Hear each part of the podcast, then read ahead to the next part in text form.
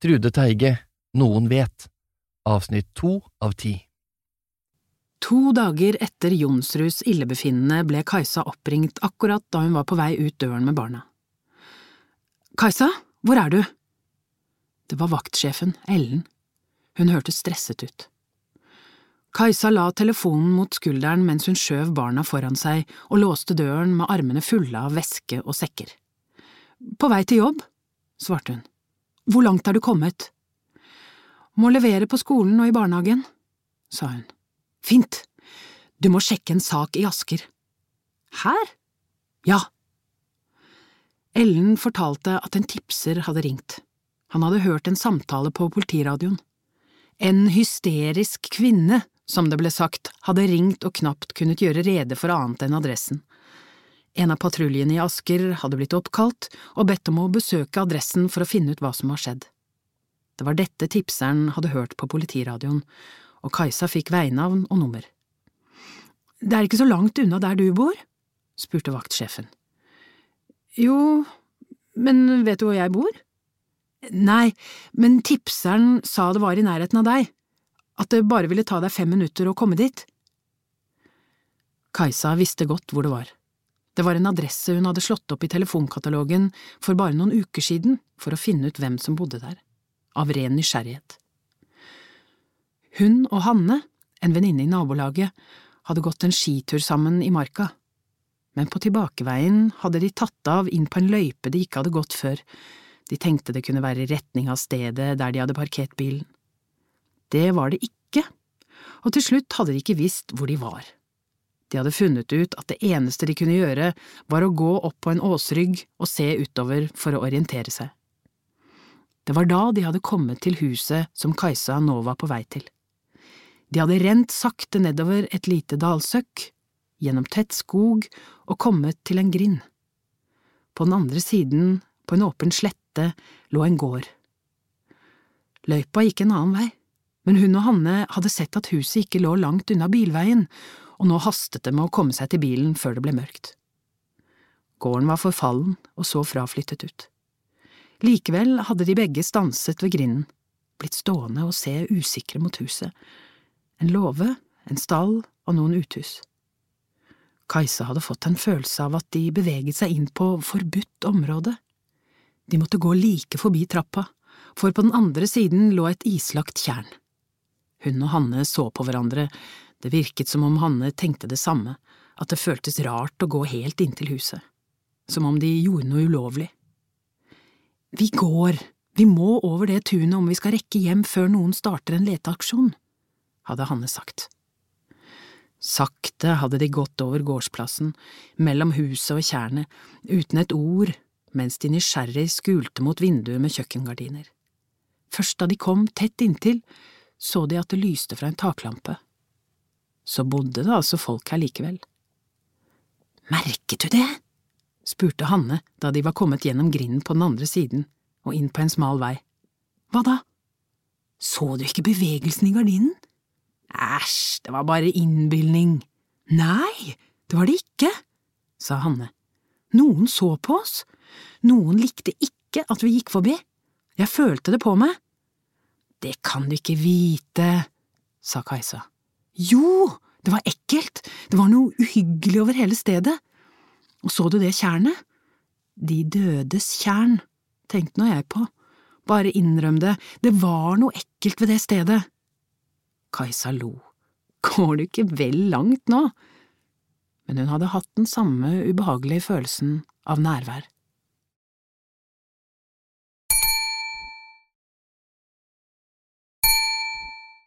Kajsa hadde av og til tenkt at hun skulle gå dit igjen, en solskinnsdag, kanskje ville det være rene idyllen der da? Hun tok av på en humpet grusvei innover i marka. Det ble mer glissent mellom husene. Det var brøytekanter på begge sider av veien, men snøen hadde smeltet fra trærne. Det hadde regnet de siste dagene, men nå skinte solen lavt over landskapet og farget det gyllent. Etter et stykke delte veien seg, og hun tok til venstre. Kjørte et godt stykke med høye trær og kratt på begge sider, så var hun fremme ved grinden hun og venninnen hadde gått gjennom etter å ha passert huset. Kajsa parkerte bilen i veikanten og gikk inn på tunet. Det sto en politibil parkert rett foran trappa. Nølende gikk hun mot huset. Plutselig kom en politimann framoverbøyd ut av døren, støttet seg til panseret på politibilen og spydde. Hun gikk sakte mot ham. Han så på henne mens han tørket slimet av munnen. Han var ung, hun registrerte de to stripene på skulderklaffene, romertall to, en andreårs politistudent, en fersking. Pust inn, sa hun. Er det så ille der inne? Det er det jævligste jeg noen gang har sett i hele mitt liv, harket han. Kanskje var det måten hun snakket til ham på, eller kanskje var han for omtåket til å tenke, men det virket som om han trodde hun var i hans bransje. Hun lot ham tro det. Hvordan da? spurte hun. Den som har gjort dette må være helt syk i hodet, svarte han. Døde? Han nikket. Begge to? spurte hun. Ja, harket han. De to gamle som bodde her, tenkte hun. Det visste hun etter å ha sjekket adressen i telefonkatalogen. Hun husket til og med navnene, Alfhild og Jørgen Gode. Hva var det med dem? spurte hun. Måten de… Han svelget hardt, prøvde å ikke spy igjen. Måten de… sa han, så kreket han seg sammen og brekte seg igjen. I det samme kom en annen politimann ut gjennom døren, også blek, men likevel atskillig mer fattet, eldre og erfaren. Hva gjør du her? spurte han. Kajsa kjente ham, hadde møtt ham på jobb før. Tips, svarte hun og møtte blikket til mannen som spydde. Hun kunne lese tankene hans. Hun er journalist, nå har jeg dummet meg ut. Du, du har ingenting her å gjøre, kom deg bort herfra. Hvor langt da? spurte hun syrlig. Ikke lenge etter at Kajsa hadde tatt oppstilling utenfor grinden, dit hun var blitt henvist, og funnet fram mobiltelefonen for å ta bilder hun kunne sende til K4, Kanal 4s nettavis, kom hele kavaleriet oppover veien. Hun skimtet politiførstebetjent Karsten Kjølås i den ene bilen. Hun knipset idet han passerte. Han så bare rett fram. Kajsa hadde tidligere jobbet som krimjournalist, men selv bedt om å bli overflyttet til politisk avdeling da hun stadig oftere opplevde å komme i lojalitetskonflikt med Aksel. Det hendte hun og ektemannen jobbet med de samme sakene, hun som krimjournalist, han som politipsykiater. Det var han som hadde stilt ultimatum. Enten fikk hun slutte, eller så måtte han. Motvillig innså hun at han hadde rett, og det var bare ett svar. Hun kunne jobbe innenfor mange fagfelt i journalistikken. Han var spesialutdannet innenfor sitt. Han kunne selvsagt slutte å ta oppdrag for politiet, men hun visste hvor mye det betydde for ham. Han pløyde upløyd mark i Norge i den delen av jobben. Hun hadde gitt seg, men det kostet mer enn hun hadde fortalt ham. Aksel ble først kjent for det norske folk da han gjennomførte et forskningsprosjekt med temaet Hvorfor dreper far mor? Det fikk bred medieomtale, særlig fordi et av hans funn var at mor i noen tilfeller hadde terrorisert far psykisk i årevis, helt til han tippet over. Aksel hevdet at disse drapsmennene også måtte ses på som ofre. Det var å be om bråk. Kvinneaktivister, andre forskere og ikke minst kvinner på ytterste venstre fløy i politikken, særlig en av de unge kvinnelige stortingsrepresentantene fra SV som satt i justiskomiteen, gikk opp i fistel i sine angrep på Aksel og stemplet ham som en useriøs forsker som leverte skreddersydde one-liners designet for å gi ham oppmerksomhet i pressen. Debatten raste i flere dager, og til slutt kom også justisministeren på banen. Forsker tramper på drapsofre, skrev VG med fete typer på forsiden. Men Aksels kompetanse var likevel ikke til å komme forbi. Han hadde vært oppnevnt som psykiatrisk sakkyndig i flere store saker. Etter hvert ble han også brukt som kommentator i ulike kriminalsaker. Med enkle formuleringer om kompliserte sammenhenger evne til å spissformulere seg og blottet for respekt for politikere og andre autoriteter, ble han i tillegg en populær debattant. Du er blitt kjendis, hadde Kajsa ertet ham. Aksel hadde aversjon mot kjendiser. Jeg er ingen kjendis, jeg er en kvalifisert meningsbærer i det offentlige rom, hadde han svart med et skjevt smil. Og hva er forskjellen? hadde hun svart ertende tilbake.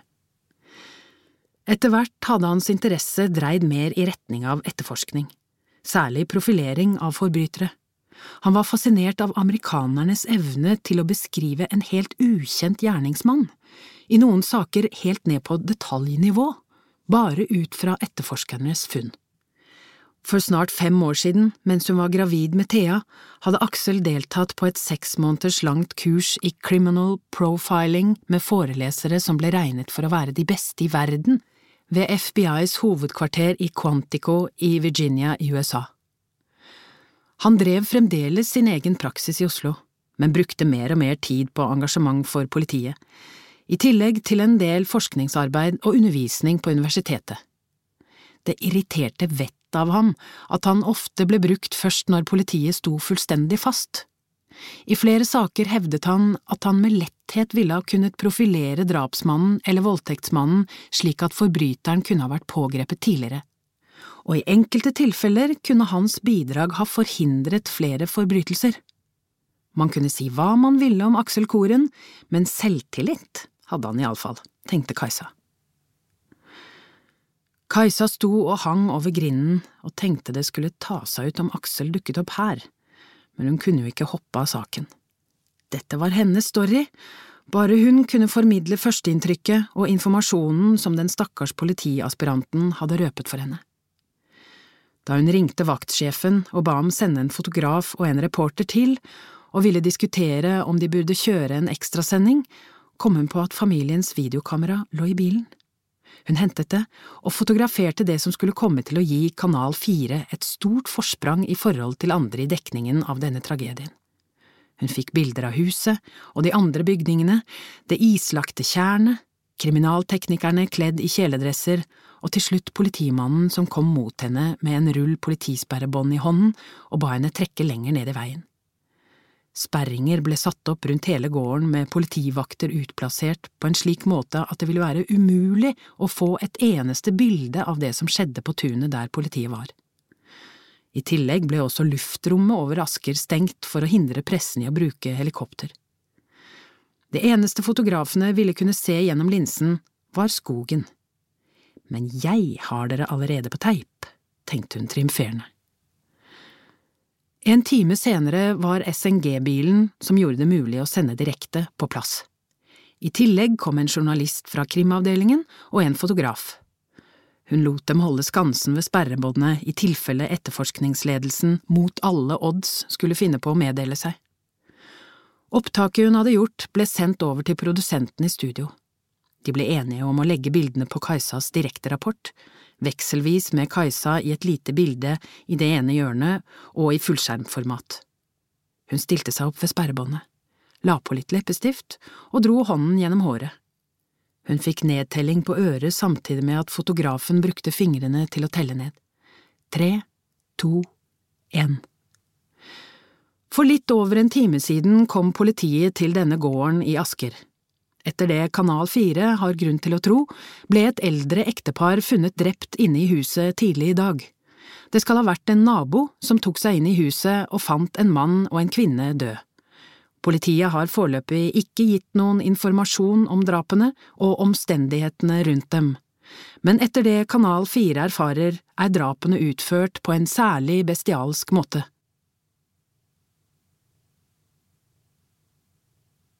Det var tilfeldig at han var der da kvinnen gikk inn i huset. Han hadde fremdeles noen dager igjen av ferien og kunne ikke holde seg unna. Han hadde stått i skogen og sett henne komme sjanglende ut like etter. Da hun dro fram mobiltelefonen og ringte, hadde han løpt tilbake til bilen og kjørt hjem. På veien hadde han stanset og lånt telefonen på en bensinstasjon, for sikkerhets skyld. Det hadde vært enkelt. Han hadde bare ringt Kanal 4s tipstelefon og sagt Hei, det er Birger, jeg har et hett tips. Han satte på TV-en og ventet. Han begynte å synes det tok lang tid da teksten rullet på toppen av skjermen. Straks, ekstrasending, sto det. Dobbeltdrap i Asker. Endelig. Han var så opphisset at hjertet hoppet og spratt mellom halsen og magen. Han tok en slurk kaffe idet Kajsas ansikt dukket opp på skjermen. Han nikket fornøyd. Han hadde gitt henne førsteretten. Hun skulle bare visst at han hadde gjort det for henne. Han møtte blikket hennes, kjente at kontakten mellom dem var der. Han ble ekstra glad da han så at hun hadde vært der så tidlig at hun hadde fått bilder av etterforskerne som ankom. Det er jenta som gjør jobben sin. Han noterte seg også at hun brukte ordet bestialsk om drapene, og lurte på hvordan hun kunne vite det. Den dama er ikke sånn. Hun går utenpå alle andre journalister i dette landet.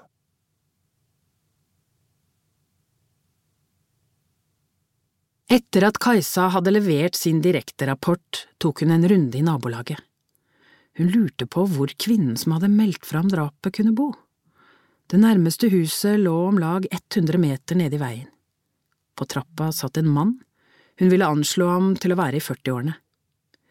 Hei, sa hun prøvende og gikk mot ham. Mannen svarte ikke, bare så på henne. Han fortonte seg underlig, det var noe likegyldig i måten han så på henne på.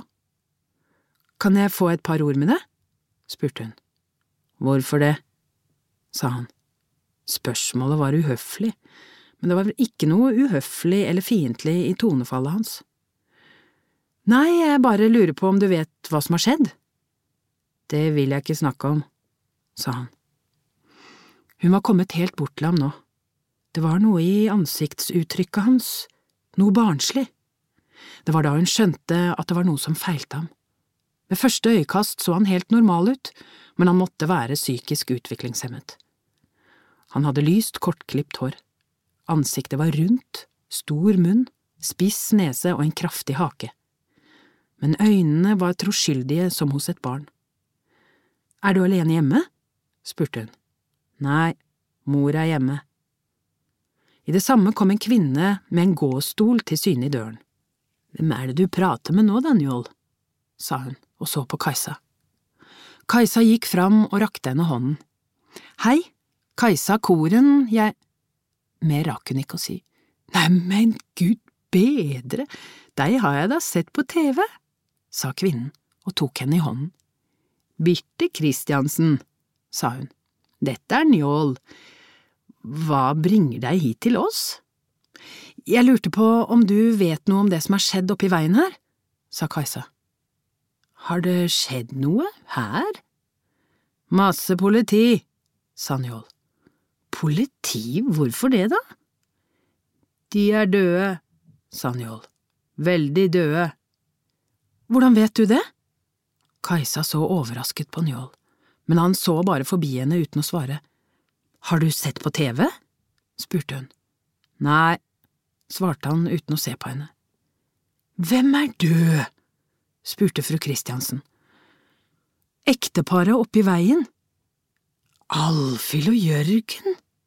Hun så måpende på Kajsa. Døde? Hvordan da? Jeg tror de er drept, sa Kajsa forsiktig. Det er ikke sant! Kvinnen så ut som hun holdt på å falle, og Kajsa skyndte seg å ta henne under armen.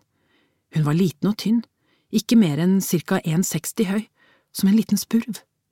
Hun hadde sølvfarget hår, ansiktet var lite, øynene var store, lyse grå, blasse med en mørkere ring rundt, slik gamle menneskers øyne blir. Kan vi gå inn og sette oss, kanskje? sa Kajsa. Kvinnen stavret innover i gangen og inn på kjøkkenet. Hun slo ut med hånden mot en kjøkkenstol. Kjente du dem? spurte Kajsa og satte seg. Kjente… nei, ikke så veldig godt. Men du vet hvem de er? Jo. Når snakket du med dem sist, da? Nei, lenge siden, det. Mange dager? Dager, nei, mange år. Mange år? Ja, Hvor mange da? To? Kvinnen ristet på hodet. Fem? Hun ristet fremdeles på hodet. Ti? Det kan vel ikke være så lenge siden du snakket med dem? Ti, sa kvinnen.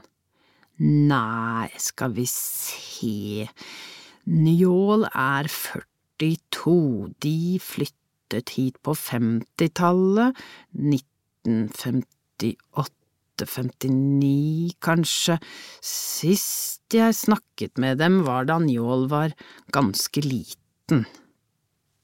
Kajsa så vantro på henne. Du har ikke snakket med dem på nesten 40 år? Nei. Hvorfor har du ikke snakket med dem? Nei, hvorfor… Kvinnen så ut som om hun ikke helt visste hva hun skulle svare. Ja, er ikke det uvanlig, da? At du som nærmeste nabo ikke har snakket med dem på flere tiår? Nei, jo, hun dro på det, men eh, de var aldri interessert i kontakt, det var en… Nei, det, det er så lenge siden nå. Hva da? spurte Kajsa. Nei, ikke noe. Men Njål har nok snakket med dem. Njål? Ja, han snakker med alle. Så er han så glad i marka, og da går han av og til gjennom grindene. Ja, over tunet deres, altså, men, men ikke så ofte. Kajsa ble sittende og snakke med Birte Kristiansen en god stund, men det var lite hun fikk vite om ekteparet. Hun halte og dro for å få mer ut av henne, men enten ville hun ikke fortelle, eller så hadde hun ikke noe å fortelle. Kajsa spurte henne likevel om hun kunne tenke seg å bli intervjuet, men Birte Kristiansen bare ristet på hodet. Dette vil jeg ikke ha noe med å gjøre, sa hun bestemt. Kajsa spurte henne om hun kunne tenke seg hvem kvinnen som meldte fra om drapet var. Fru Kristiansen mente at det ikke var mange i nabolaget som brukte stien over tunet deres. Men du kan prøve Therese i det første huset når du tar av fra veien, Therese joggedame, som jeg kaller henne. Hun er nyinnflyttet og driver og jogger rundt overalt her. Kan du skjønne hvorfor noen løper sånn rundt omkring i skauen? Holder ikke å gå tur, da? Njål satt fremdeles på trappa da Kajsa gikk. Snakket du ofte med Alfhild og Jørgen? spurte hun. Av og til, så. Var de hyggelige? Nei. Hvordan visste du at de var døde? Men Njål så bare forbi henne, han tygde hardt på tommelen, vred seg urolig, svarte ikke.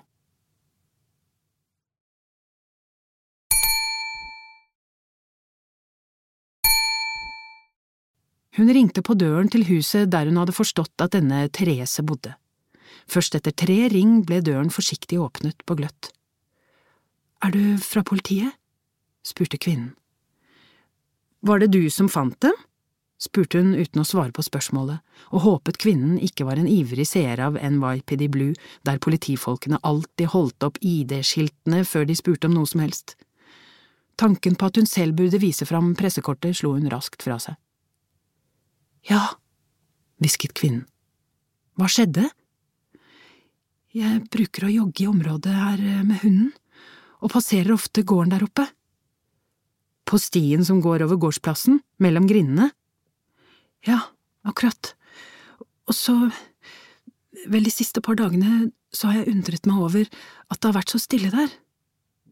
Bruker du å treffe paret som bor der? Nei, men de har to hunder, de pleier alltid å være ute. Egentlig vegrer jeg meg litt for å ta den stien, for hundene holder alltid et sånt leven når jeg kommer med tassopp. Ja, hunden, hunden min, altså, la hun til, som om det var nødvendig å forklare. Det er så veldig fint i skogen på den andre siden, og de bruker å være festet til en løpestreng. Vel, så, ja, de siste dagene har jeg ikke sett snurten av hundene, ikke hørt lyden av dem heller så i dag banket jeg på døren. De var to gamle mennesker, det kunne jo ha skjedd dem noe. Kvinnen bet seg i leppen. Og det hadde det. Da ingen svarte, gikk jeg inn og… Akkurat da kom en politibil i full fart og stanset framfor huset. En politimann hoppet ut av bilen. Hei du, Koren, nå får du gi deg med å snuse rundt. Jeg kan snakke med hvem jeg vil, svarte Kajsa surt. Men hun fikk litt dårlig samvittighet da hun så det måpende uttrykket til kvinnen i døren. Ikke nå lenger, sa politimannen like syrlig og kysset kvinnen inn. Det ble en lang dag. Først klokka fire om ettermiddagen innkalte politiet til pressekonferanse. Leder for etterforskningen, førstebetjent Karsten Kjølås, opplyste at de to drepte var ekteparet Alfhild og Jørgen Godø. Han ville ikke si noe om hvordan de var drept. Han ba publikum om hjelp, og informerte om tipstelefonnummeret. På dette tidspunktet hadde Kajsa allerede vært inne direkte fra gården tre ganger, og ingenting av det som kom fram var nytt for henne. Men hun hadde ikke brukt navnene på ekteparet i påvente av at det skulle bli offisielt bekreftet. I reportasjen til hovedsendingen brukte hun det hun hadde opplevd denne dagen for alt det var verdt. Hun slo fast at det her var snakk om to grusomme drap. Hun ga en malende beskrivelse av stedet med de eksklusive bildene hun hadde tatt med sitt eget videokamera. Hun fortalte også at en nabo som reagerte på at hun ikke hadde sett noe til ekteparets hunder på flere dager, hadde funnet dem. Det hadde vært en helt umulig oppgave å overtale noen i nabolaget til å la seg intervjue, helt til hun kom til den nærmeste Rimi-butikken.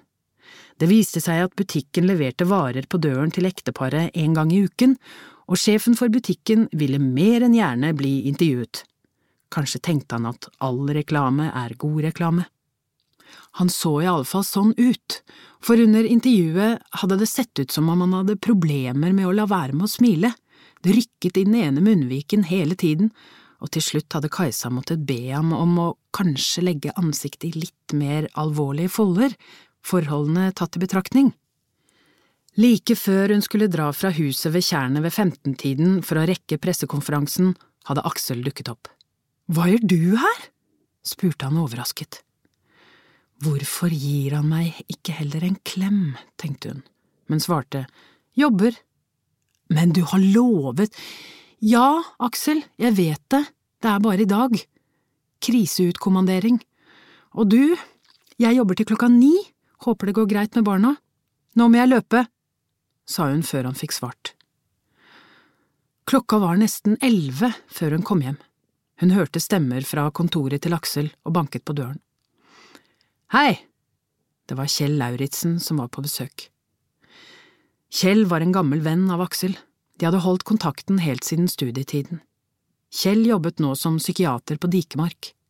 Han var nylig skilt, men tidligere hadde Aksel, Kajsa, Kjell og hans ekskone Tina vært mye sammen. De hadde barn i samme alder, og i mange år hadde de leid en hytte på Sørlandet hver sommer. Kajsa traff fremdeles Tina, men det var blitt lenger og lenger mellom hver gang. Aksel og Kjell hadde derimot mye kontakt, ikke minst fordi de hadde jobbet sammen som sakkyndig i flere store rettssaker. Og de gangene Aksel jobbet med profilering for politiet, brukte han av og til Kjell som en slags sparringspartner. Hei, Kjell, så hyggelig å se deg! Kjell reiste seg og ga Kajsa en klem. Kjell var en klemmer. Aksel så knapt på henne, han var fordypet i pc-en sin. Jeg skal ikke forstyrre, sa hun og gikk ut på terrassen. Hun var helt seineferdig, men samtidig oppspilt, tankene kvernet rundt det som hadde skjedd denne dagen. Hun fylte en kaffekopp med vin. Kaffekopp var langt mindre avslørende om Aksel eller et av barna skulle komme og se henne. Vinen prikket vennlig mot ganen, og hun kjente at skuldrene senket seg. Hva var det politimannen som spydde skulle til å si?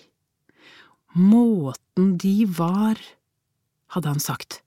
Hva mente han med det? Hva hadde skjedd med dem? Politiet hadde fremdeles ikke gitt noen detaljer om hvordan drapene hadde blitt utført. Sikkert noe de holdt tilbake av hensyn til etterforskningen, som det het. Altså var det noe bare drapsmannen kunne vite. Hadde han etterlatt seg en såkalt signatur? Det andre store spørsmålet hun grublet over, var hvordan kan noen være uten kontakt med naboene i 40 år? Var det mulig? Var det noen spesiell grunn til det? Hadde det skjedd noe som kunne forklare det? eller hadde de en grunn til å holde seg for seg selv, hadde de noe å skjule? Det var mange spørsmål, og Kajsa kunne ikke finne noen logiske svar på noen av dem. Den gamle krimjournalisten i henne ble trigget av saken, hun skulle så veldig gjerne ha jobbet med dette, men det gikk ikke. Jeg kan da ikke risikere ekteskapet for et par små mord, tenkte hun syrlig.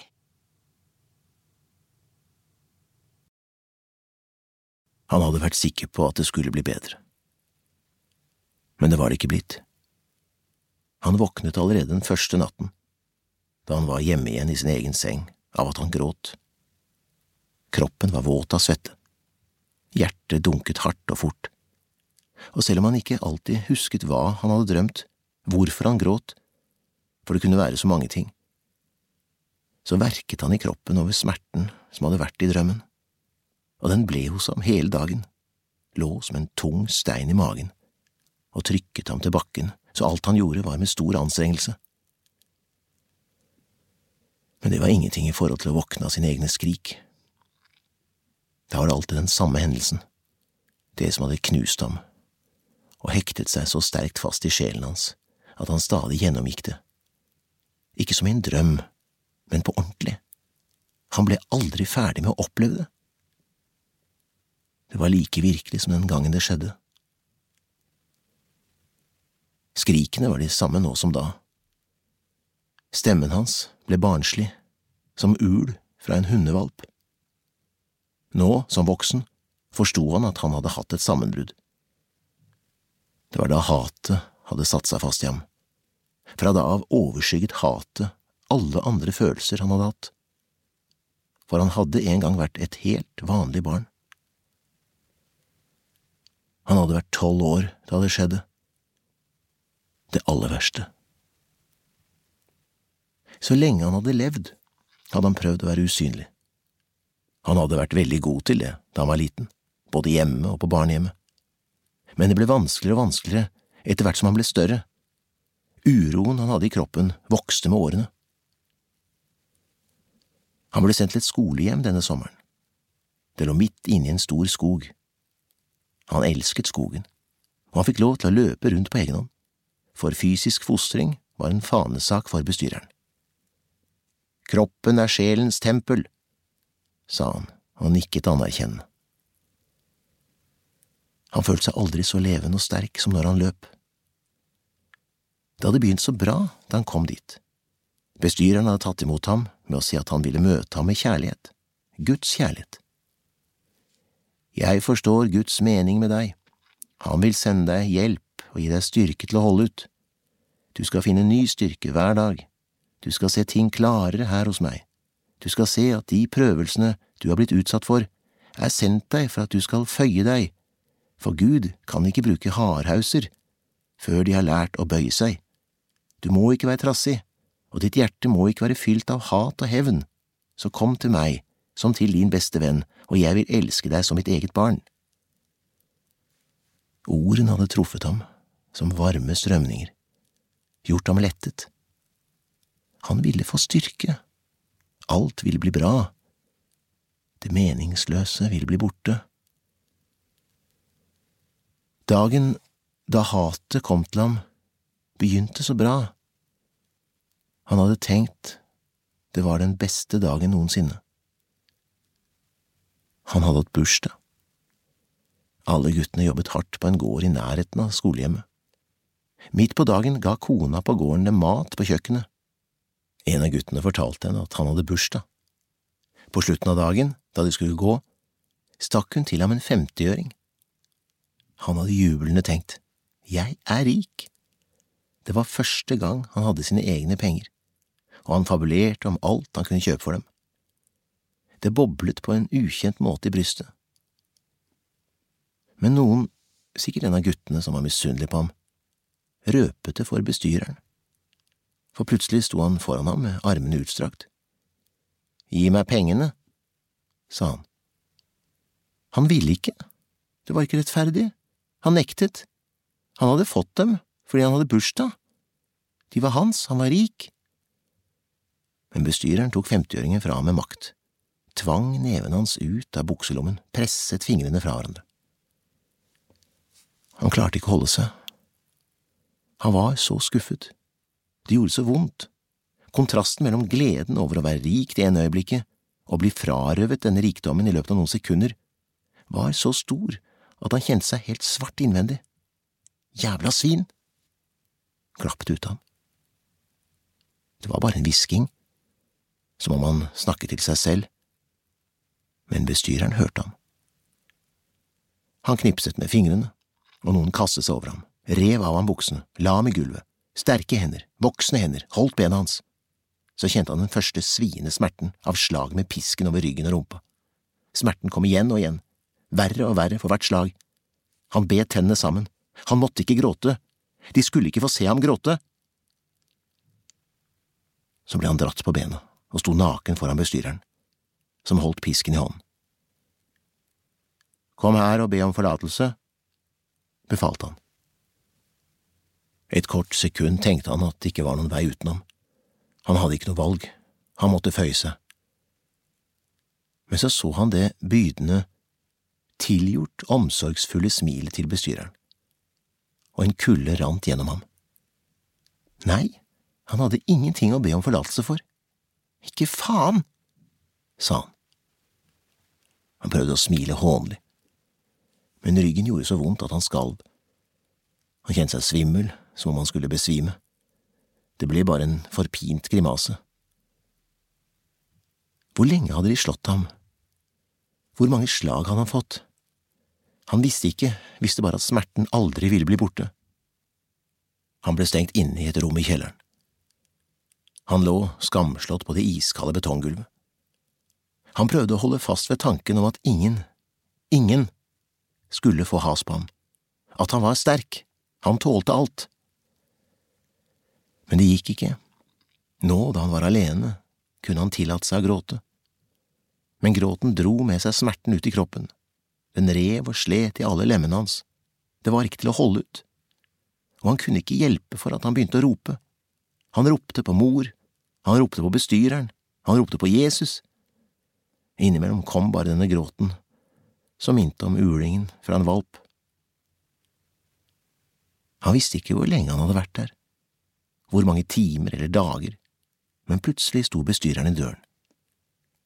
Han krøp på alle fire og kastet seg rundt bena hans, og knelende med ansiktet mot bestyrerens lår klamret han seg fast, for lengst tom for gråt, for lengst tom for alt.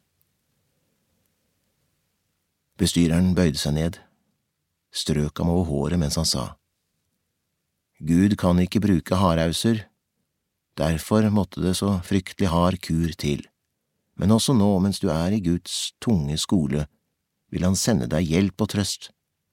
Han vil gi deg og elske meg. Men du må ikke være trassig mot Gud eller huse hat og hevn i ditt hjerte, det vil ødelegge Guds verk med deg.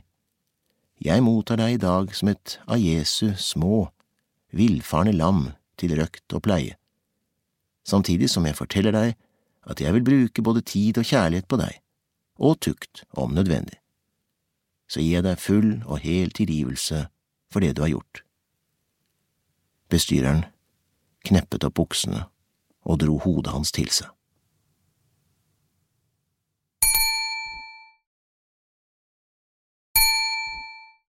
Dagen etter at Kajsa dekket dobbeltdrapet, fikk hun et brev. Det lå i posthylla på jobben og var maskinskrevet. Du er veldig dyktig. Nederst på arket sto det PS Hvordan visste du at drapet var bestialsk? Ingen underskrift. Kajsa så på konvolutten, bare navnet hennes, ingen adresse, ikke noe frimerke. Det hendte fra tid til annen at hun fikk beundrerbrev der avsenderen gikk mye lenger i å beskrive sin beundring, for ikke å snakke om sine fantasier, enn avsenderen av dette brevet gjorde. Hvordan visste du at drapet var bestialsk? Setningen plaget henne. En observant seer kunne selvsagt ha gjort seg slike tanker, men likevel, det var litt sånn mellom deg og meg, jeg og du vet noe. Hun gikk ned i resepsjonen. Ingen av de som satt der kjente til brevet. Hun gikk inn på kontoret til resepsjonslederen, Jorunn, og forklarte henne at hun hadde fått et brev og at det var viktig å finne ut hvem som hadde levert det. Hun lovte å kontakte dem som hadde vært på jobb det siste døgnet, inkludert nattevakten fra Securitas. Kajsa hadde en avtale med Jakob Sperre, mannen som hadde ringt henne om barnehjemsgranskingen. Hun tok en taxi til adressen han hadde gitt henne. Det var i Bergen det hele hadde begynt. Tidligere barnehjemsbarn hadde stått fram i Bergens Tidende og fortalt om grusomme overgrep ved Bergens guttehjem Garnes. De fortalte om et liv der de hadde vokst opp nærmest isolert fra omverdenen, og mange fortalte detaljert om fysisk og seksuell mishandling som fikk flere enn bergensere til å sette kaffen i vrangstrupen. I det siste hadde rettferd for taperne blitt nedringt av kvinner og menn fra hele landet. Avisene var fulle av rystende historier om mennesker som hadde mistet sin barndom på grunn av overgrep. Det var vanskelig å forestille seg at slikt kunne ha foregått i så stort omfang i et sivilisert samfunn som Norge. De krevde en nasjonal gransking av forholdene, men mest av alt ønsket de å bli trodd. Flere av dem hadde forsøkt i årevis å få oppmerksomhet uten at noen brydde seg. Noen hadde også søkt om billighetserstatning, men blitt avvist med at sakene var foreldet. Først da mediedekningen formelig eksploderte, våknet politikerne på Stortinget, til tross for at flere av barnehjemsbarna hadde sendt dem mange brev opp gjennom årene. Nå nærmest konkurrerte stortingsrepresentantene om å bruke de sterkeste ordene til å karakterisere det disse barna hadde blitt utsatt for. Også fagstatsråden var raskt ute og var rystet over overgrepene som var blitt avdekket, og kalte det det verste myndighetene og det offentlige apparat har gjort mot små barn, etterfulgt av lovnaden om at regjeringen selvsagt ville se nærmere på skjebnen til disse barna. Statsråden snakket om hvor sjokkert han var over avsløringene, som om han aldri hadde hørt om saken tidligere.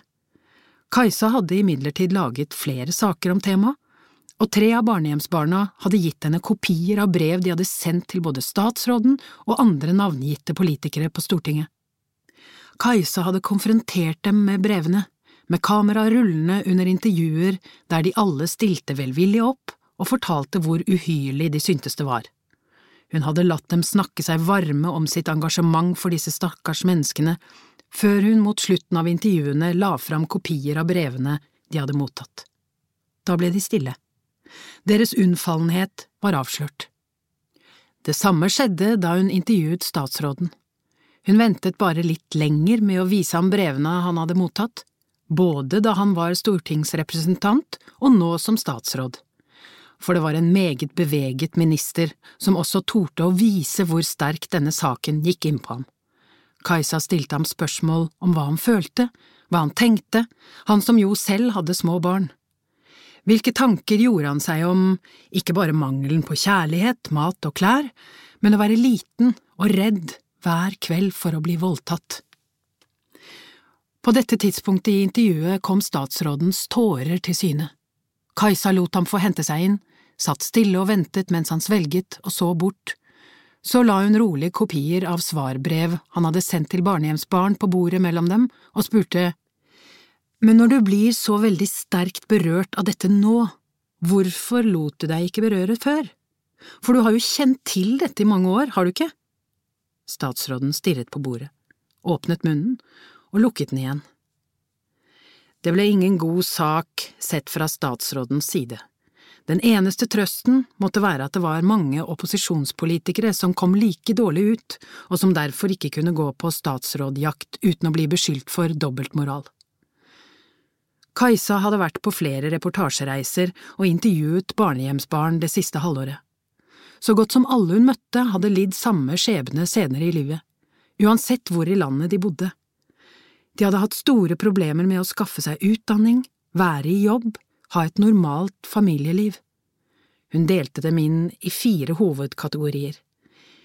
De som lå på kirkegården, de som var svingdørspasienter i psykiatrien, de som var sosialklienter, og noen få som hadde klart seg rimelig bra.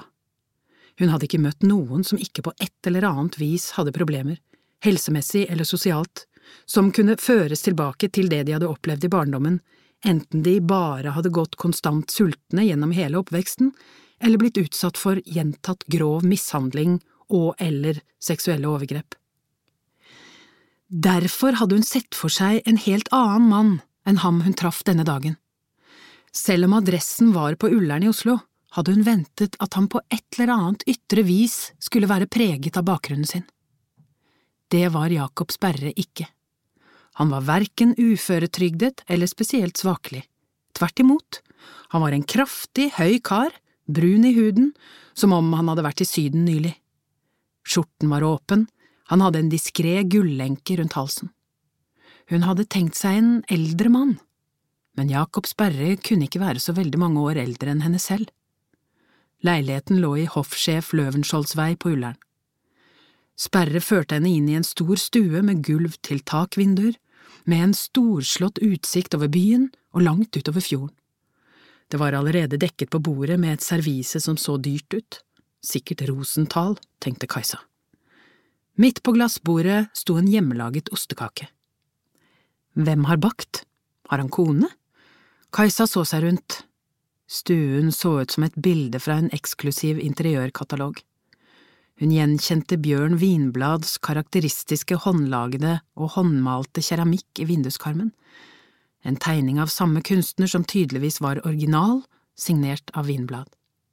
Men det var ingen familiebilder der, ingen planter, ikke noen tydelige spor etter en kvinnehånd.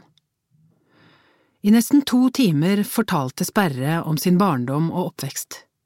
To timer uten at Kajsa stilte mer enn en håndfull spørsmål.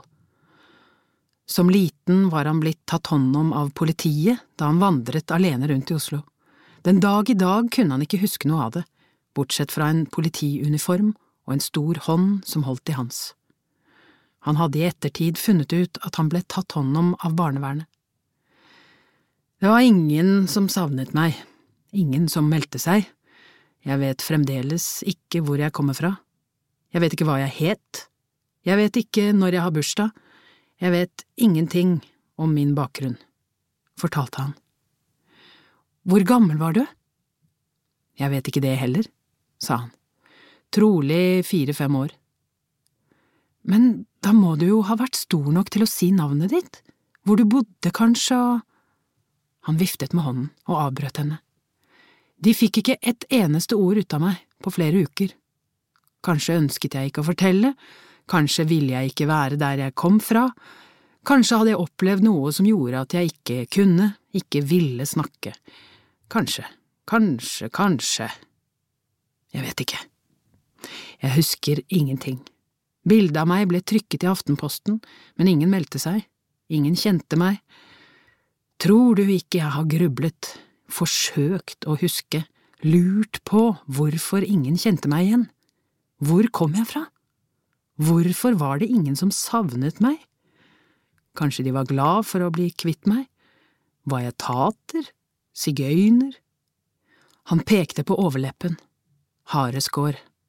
Jeg ble forsøkt adoptert bort, det var vel ingen som ville ha meg etter å ha sett meg. Han var stille en liten stund, så la han til, Jeg var aldri et ønsket barn. Han tok en slurk kaffe og så bort. Adamseplet gikk opp og ned et par ganger, før han begynte på beretningen om et uønsket barn, som han kalte den. Jacob Sperre vokste opp på to barnehjem og et par guttehjem og spesialskoler. På det første barnehjemmet var han til han var sju år. Det han husket best derifra, var et trangt, mørkt kott under trappa. Det var der han ble stengt inne når han hadde gjort noe galt. Han kunne også vagt huske en hånd som slo, og at han alltid hadde vært sulten. Men mørket under trappa var det han husket best. Sperre var god til å fortelle, velartikulert, hadde lett for å finne ord som kunne beskrive og levendegjøre opplevelser og situasjoner. Kajsa kjente historiene hans legge seg som et tungt press mot brystet. Hun så ham for seg, liten, redd, under trappa i mørket, helt alene uønsket. Jeg lærte meg én ting, fortsatte han, jeg lærte meg at det var bare én måte å overleve på. Hvordan, hvordan da? Stemmen til Kajsa var bare hvisking. Å gjøre seg usynlig. Å gjøre det de som bestemte ville. Ikke si imot. Bare være stille. Så jeg ble usynlig, den som bare var der uten at noen la merke til det. Han vokste opp uten verken å lære å lese, skrive eller regne. Da han var sju år og gammel nok til å begynne på skolen, var han på et barnehjem som var på en stor gård i Vestfold. I stedet for skolegang måtte barna jobbe på gården, de ble til og med leid bort til andre gårder som arbeidskraft. Da var det ikke tid til skolegang, sa han beskt. Men det verste skjedde da han ble overflyttet til et barnehjem i Oslo. Jacob Sperre hadde tydelig problem med å komme videre i fortellingen nå.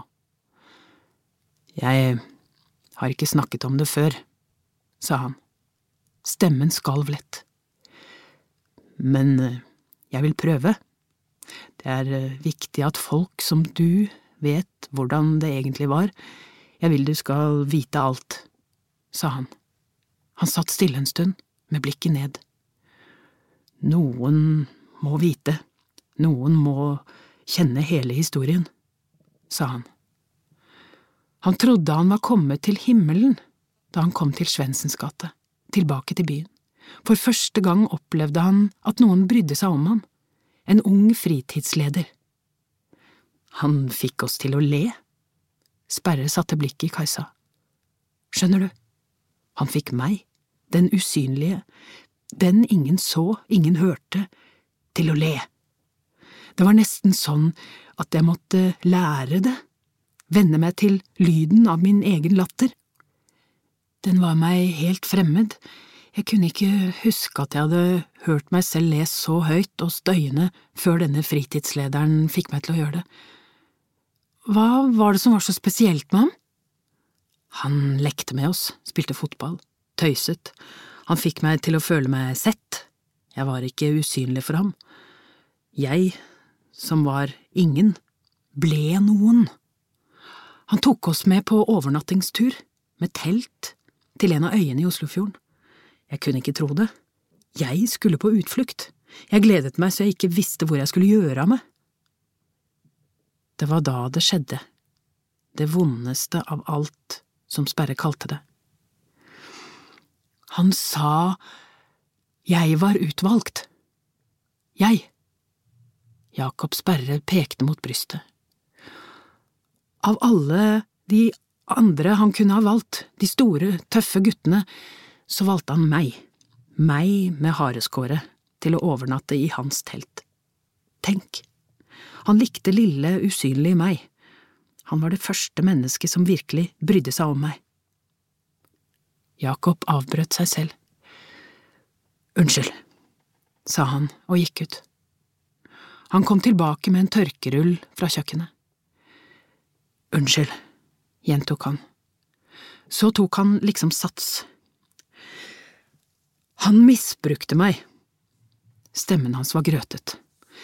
Den fysiske smerten var uutholdelig, men den gikk over.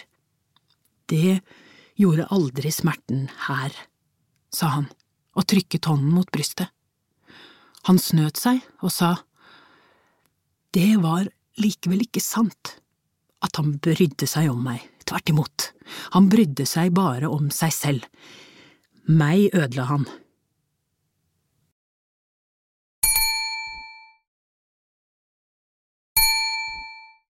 De satt stille i hver sin stol, lenge, inntil Kajsa sa, Men du har klart deg, det har gått deg bra i livet?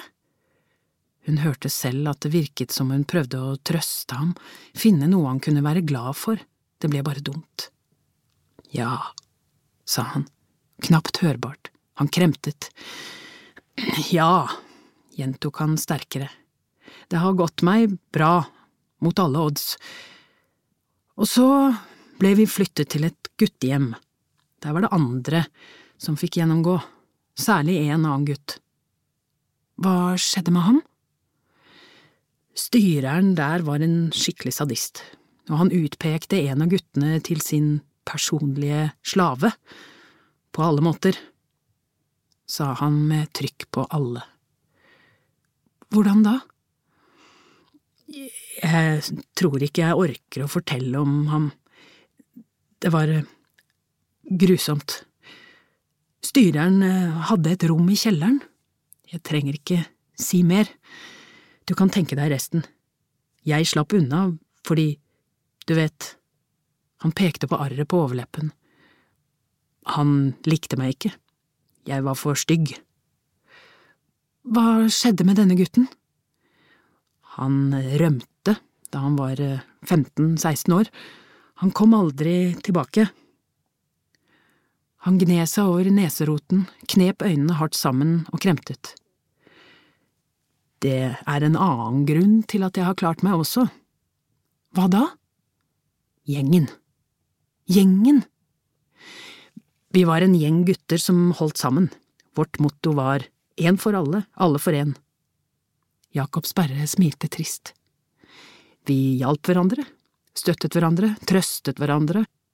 Vi hadde vært på de samme hjemmene siden vi var små. Vi var den familien vi manglet, for hverandre. Jeg vet ikke hvordan det hadde gått uten gjengen. Han reiste seg og kom tilbake med to gammeldagse kartotekkortbokser. Her er barnehjemsbarna, sa han og pekte på den ene boksen, den grønne. Så flyttet han hånden til den andre, som var rød. Og her er overgriperne. Kajsa måpte. Har du ført kartotek? Ja. Overgripere og ofre. Det har vært min lille hobby, kan man si. Han åpnet lokket på den grønne boksen, tok et tilfeldig kort. Han her er død. Selvmord. Han tok et nytt kort. Selvmord. Slik fortsatte han. Selvmord, død av overdose, hjertesvikt. Han dro utenlands, drakk seg i hjel, uteligger. Kajsa avbrøt ham. Men noen har klart seg. Absolutt. Han tok ut et nytt kort. Advokat. Et nytt kort. Politiker. Slik fortsatte han forsker, anerkjent sådan, sosialsjef, ressurssterke. Riktig. Hvorfor hører vi ikke om dem? Hvorfor har jeg ikke truffet noen slike? Slike feiginger som meg? Han smilte ironisk.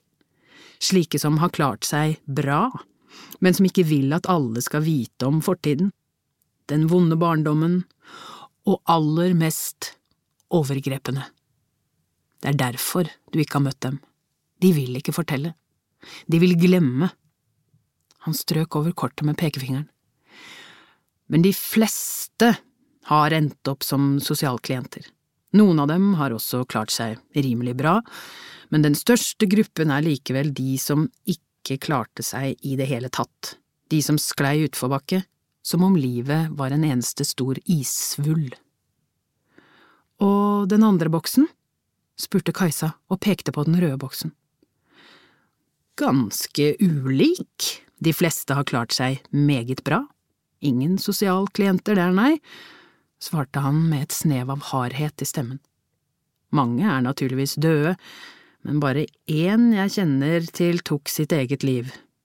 Noen av dødsfallene er… Eh, ja, ganske interessante. Vil du la meg intervjue deg? spurte hun. Overhodet ikke, svarte han. Hvorfor ikke? Jeg er for feig. Jeg vil ikke bli stigmatisert. Det trenger du da ikke? Å jo da, avbrøt han henne. Jeg blir direktøren som ble misbrukt. Han tegnet hermetegn i luften. Jeg kan anonymisere deg, forvrenge stemmen. Jeg tror ikke det, nei. Da er det lite jeg kan gjøre, sa hun. Nei, det er ikke riktig, sa han og så skarpt på henne. Jeg har gitt deg denne kunnskapen som et utgangspunkt.